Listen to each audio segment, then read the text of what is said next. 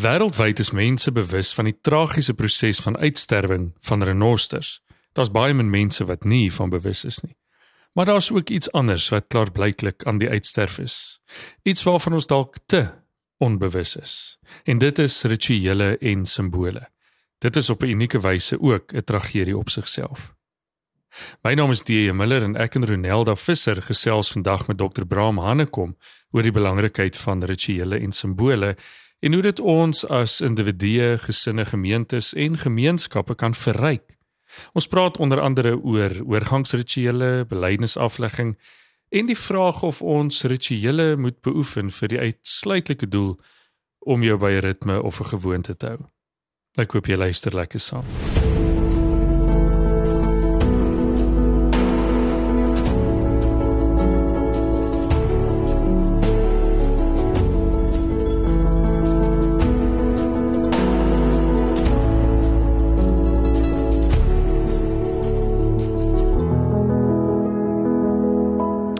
Bram baie baie dankie vir die saamgesels vandag oor hierdie uh, ek dink is 'n aktuelle onderwerp as ons kyk na koerantopskrifte die afgelope tyd hier in ons land. Ehm um, maar voordat ons praat oor die vraag of rituele aan die uitsterf is, kom ons beweeg as te ware so 'n bietjie terug in tyd en dan kyk ons na 'n tydperk waar tydens simboliek en rituele werklik die die gom van die samelewing was. En ons kan selfs so ver teruggaan as die Bybelse tyd. Bram, wat 'n rol het simbole en rituele in die antieke tyd gespeel? Eh, die dit het 'n dit het 'n reusagtige rol gespeel. Dit is uh dit was presies soos wat jy nou gesê het, die gom wat uh, gemeenskappe aan mekaar gehou het. As ek 'n enkele eenvoudige voorbeeld kan kan gee, miskien ook uit 'n kerklike konteks. Ons het vandag sonnaarskole en kweekskole en boeke en weet nie wat se opleidingsgeleentheid nie vir vir miljoene jare is is geloof ehm um, is 'n lewens- en wêreldbeskouing oorgedra in tradisionele gemeenskappe uh net met mites, simbole en rituele. En dit is van geslag tot geslag oorgedra. Uh, dit aan die een kant en so dit daar was soort van 'n standhoudendheid wat jy in daardie rituele ge, uh, gevind het. Die tweede is uh ek wil my verstout om te sê dit het uitgesterf en ons kry nie rituele meer in dieselfde vorm as wat ons dit sê maar 1000 jaar gelede gekry het nie. Maar as jy fyn gaan kyk en ons kan dit dalk later oor gesels, sal jy verstom wees om te sien hoeveel klein rituele en simbole daar elke dag in ons samelewing steeds teenwoordig is. Maar dis nie iets staties nie. Dit verander met die konteks, dit moet met die konteks uh, verander. Ehm um, maar maar uh, soos ek sê oor oor miljoene jare was dit absoluut die die raamwerk, die standhoudendheid, die stabiliteit wat gemeenskappe gekonstitueer het. Ja, dit is die woord mite gebruik en ek dink ons moet dalk net daai woord mooi de, uh, definieer want ek dink as ons die woord mite hoor dan dink ons aan iets soos mythbusters hmm. wat absoluut iets is wat nie waar is nie, dis opgemaakte storie. Maar as ons in hierdie konteks praat oor 'n mite, wat is dit? Uh in hierdie konteks is 'n mite is 'n verhaal is is is legende, maar dit kan ook 'n verhaal wees wat die geskiedenis in herinnering roep en die identiteit uh die raamwerk uh waar volgens mense leef lewend hou uh van geslag tot geslag. Bram, het die moderne samewerking op 'n manier wegbeweeg van gedeelde simbole en rituele? En hoe beïnvloed dit ons interaksie met die wêreld en met mekaar? Dit het definitief uh wegbeweeg van sekere simbole en rituele. Um uh 'n simbool en 'n ritueel kan kan baie lank lewe, maar dit kan ook irrelevant raak en uitsterf. Um in in konteks speel 'n groot rol. Daar daar is ewige simbool. Die kruis is 'n ewige simbool. Uh ons uh sal miskien sê as ek dit in moderne tyd invat die wit en rooi sirkels uh by 'n haarkapper salon was op 'n tyd dit was die ding. Vandag nie meer nie. Maar tog net genoeg om mense tog dalk daaraan te herinner. Maar so is daar 'n dinamika in 'n lewe.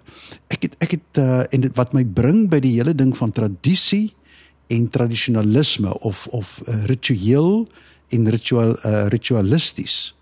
Uh daar's 'n pragtige uitdrukking wat sê in die kerk wat sê uh traditionalism uh is is the dead faith of the living. Tradition is the living faith of the dead.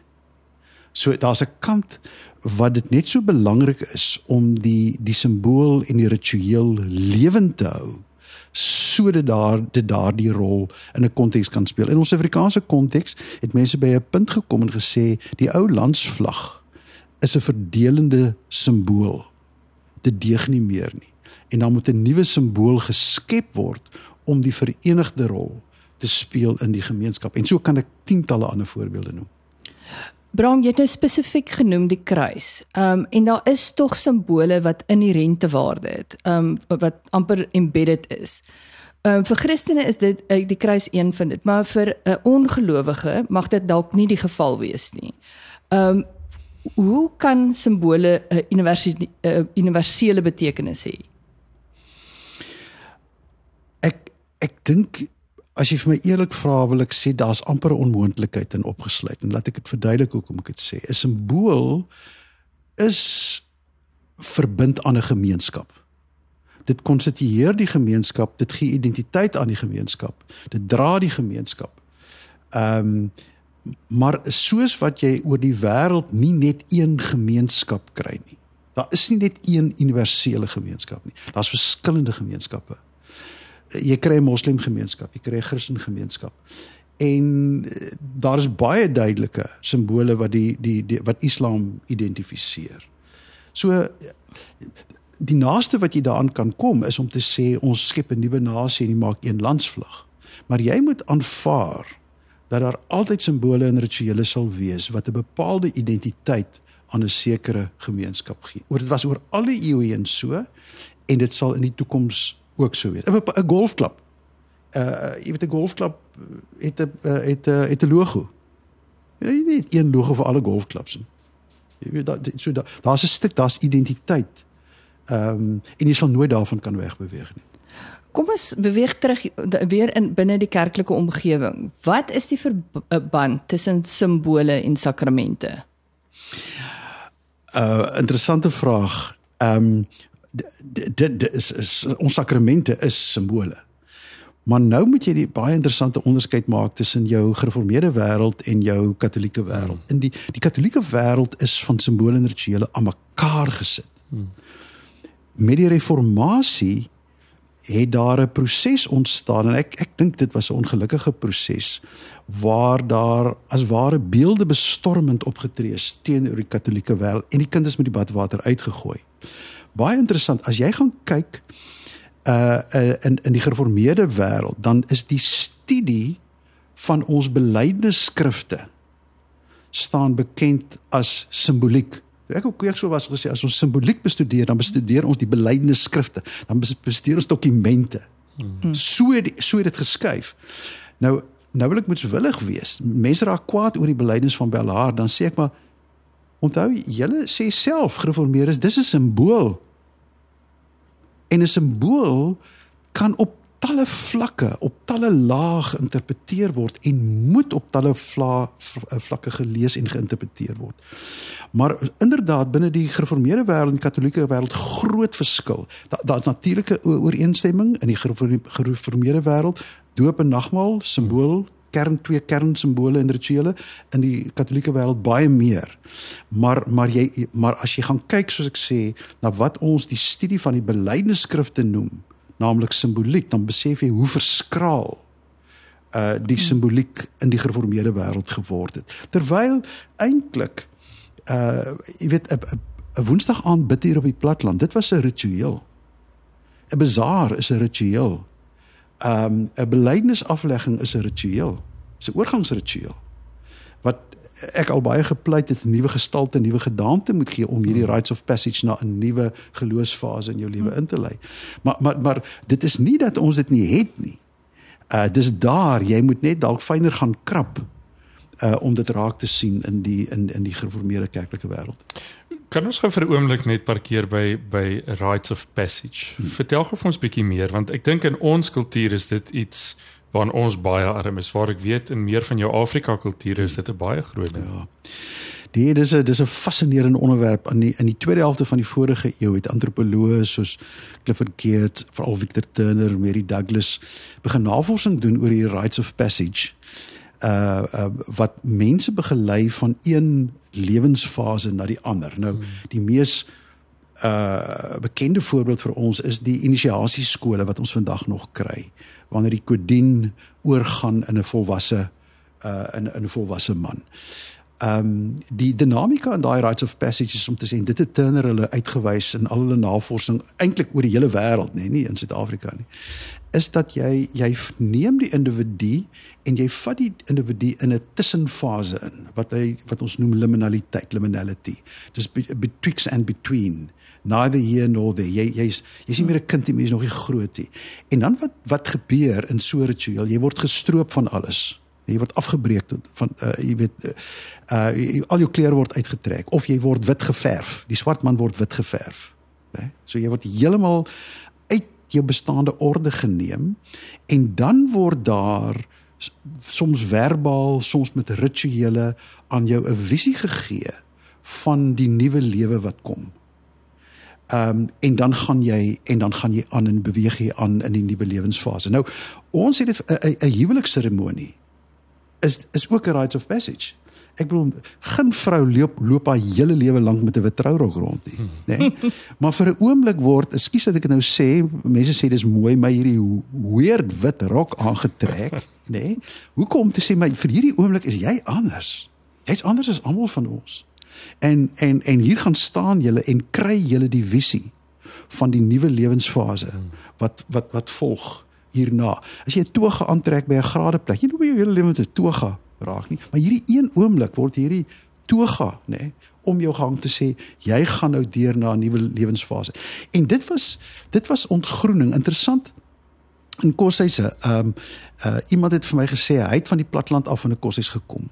En nou gaan ek sê dit soos hy het vir my vertel het.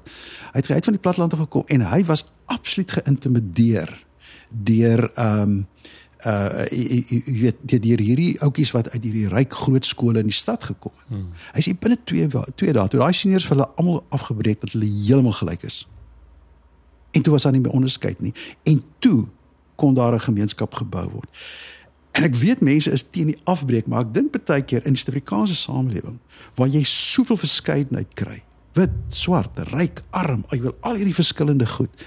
Is sit daar nie 'n stukkie method in the madness deur te sê, luister, hier moet jy nie een ou nie dink hy's belangriker as die ander een nie, nê? Nee? Hier is ons gelykes in hierdie gemeenskap. Jy's nie swart en wit en uh, gay en stryd en wat ook al nie. Hier is hier is ons een en dan word daar 'n nuwe gemeenskap gevorm waar jy dan met respek en trots en hmm. en, en en al daardie goed. Daar is natuurlik rituele wat net ak kan afbreek en wat mense uh, kwets en met my hele wese is ek daarteen gekant. Maar om so 'n oorgangsritueel te hê waar ehm um, waar trots en respek en wederwysige respek uh gekweek word in 'n situasie waar mense eintlik in feite as ongelyk is van van wie 'n verskeidenheid van omstandighede aankom in die konteks daai kind kan nie met die badwater uitgegooi word nie. Kom ons skuif die fokus of kyk weer na rituele maar wat by ons amper meer algemeen is. 'n Braai is maar basies 'n manier om kos gaar te maak. Hm. Maar in Suid-Afrika is dit 'n ritueel wat kultuurgrense oorskry. Hm. Ehm um, is dit iets wat 'n baie dieper doel of effek het op Afrikaners en ons het selfs 'n nasionale braaidag. Wat maak van iets gewoon soos 'n braai of 'n sessionjama 'n ritueel? Kyk, ek dink jy moet 'n onderskeid maak tussen gebruike, kultuur en rituele. En daar sal groot oorvleeling wees. Wat 'n ritueel tipies maak, is dat dit 'n 'n repetatiewe handeling is, herhalende handeling met 'n vaste vorm wat oor tyd kom en wat veral twee goed doen wat of ou waardes en boodskappe bevestig of ook nuus kan vestig by die nuwe deelnemers aan die ritueel. Ehm um, om om om mense met die te met die hand te groet is dis ek ek dink dit is meer 'n gebruik as 'n ritueel nê. Nee. In ander lande is dit die Franse wat mekaar so 'n wangdrukkie gee. Dis dis hulle het 'n ander gebruik as wat jy as wat jy so maar terselfdertyd kan 'n mens nou jy weet jy kan nou baie analities in die ding ingaan ingaan daar's baie groot oorvleelinge in die kerk sal ons sê daar's sekere spesifieke spesifieke repetatiewe handelinge soos die nagmaal wat mens kan sê dit kwalifiseer jy al die merkies uh, word reggemerk as as synde ritueel te wees. Maar vat net die nagmaal. Die nagmaal soos ons dit vandag doen in meeste gemeentes is ook nie meer presies dieselfde soos wat dit gedoen is 100 jaar gelede nie. 100 jaar gelede was daar het mense gekom van die van die van die platland af of van die plase af dan het hulle 'n voorbereidingsdiens gehad, hulle het 'n nagmaal gehad, hulle het 'n nabetragtingsdiens gehad. Daai hele naweek was eintlik 'n ritueel met 'n diep geestelike dimensie, maar ook 'n gebruik wat gemeenskap gekonstitueer het. Daar's min dinge wat daai gemeenskappe so bymekaar gebring het, soos die nagmaalsnaweek. Uh jy, jy kan baie meer voorbeelde gee. Ek is nou nuuskierig as 'n mens uh, jy het nou gepraat van die die boksies aftik en toe wonder ek sommer net baie keer ehm um, neem 'n mens deel aan 'n ritueel of jy hou aan om dit te beoefen juis omdat dit 'n ritueel is, omdat ja. dit 'n ding is wat 'n ritme het, ja. wat gedoen moet word.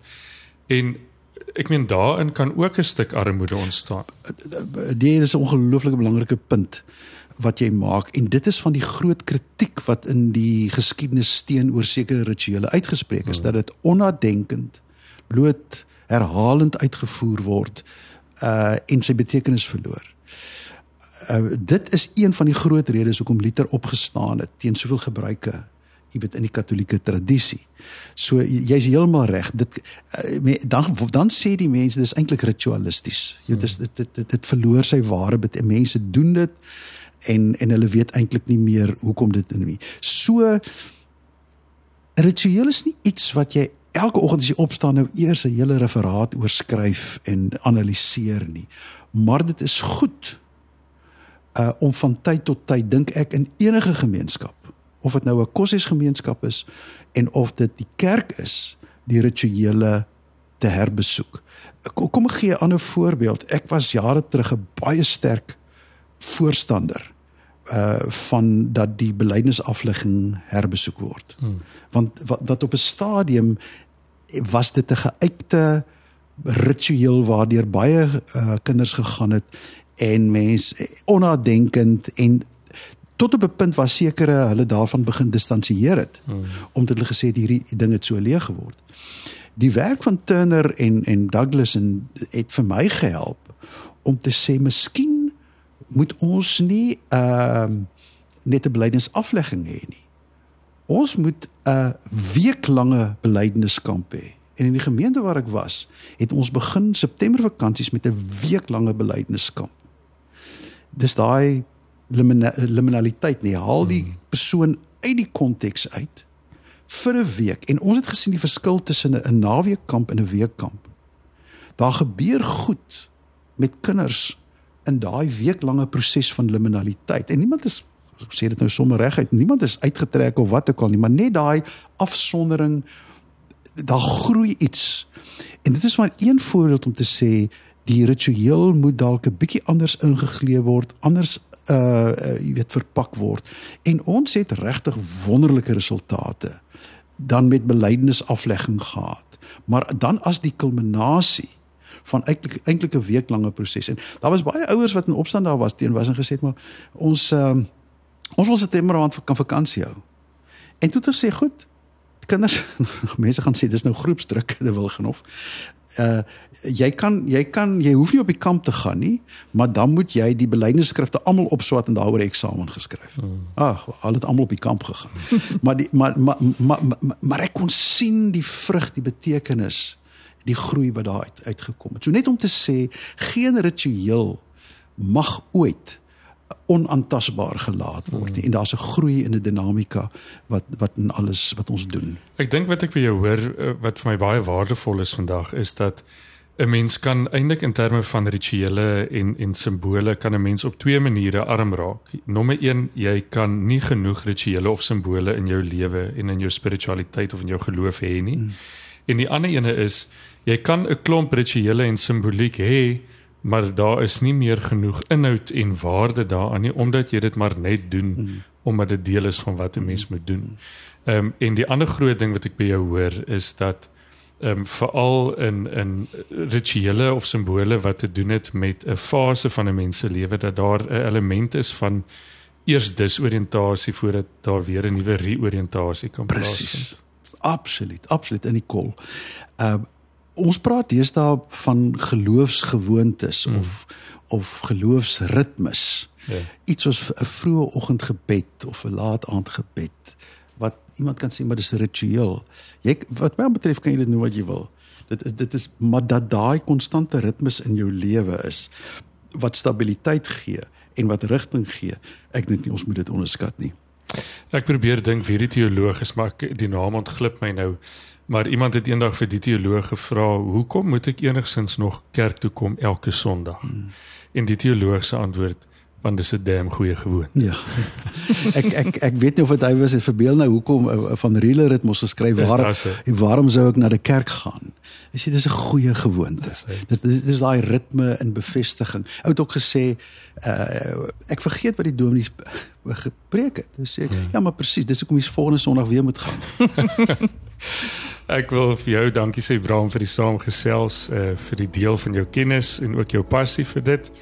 Uh, en dan wil ek sommer nou al sê ons beplan 'n opvolggesprek rondom hierdie tema. Vandag was so 'n bietjie inleiding en ek wil vir jou wat geluister het nooi om asseblief jou vrae of opmerkings, kommentaar te stuur uh sommer as 'n direkte boodskap via ons sosiale media van Kaapkerk of in 'n e-pos aan inhoud@kaapkerk.co.za. Baie dankie dat jy saam geluister het. Kyk mooi na jouself tot 'n volgende keer. Totsiens.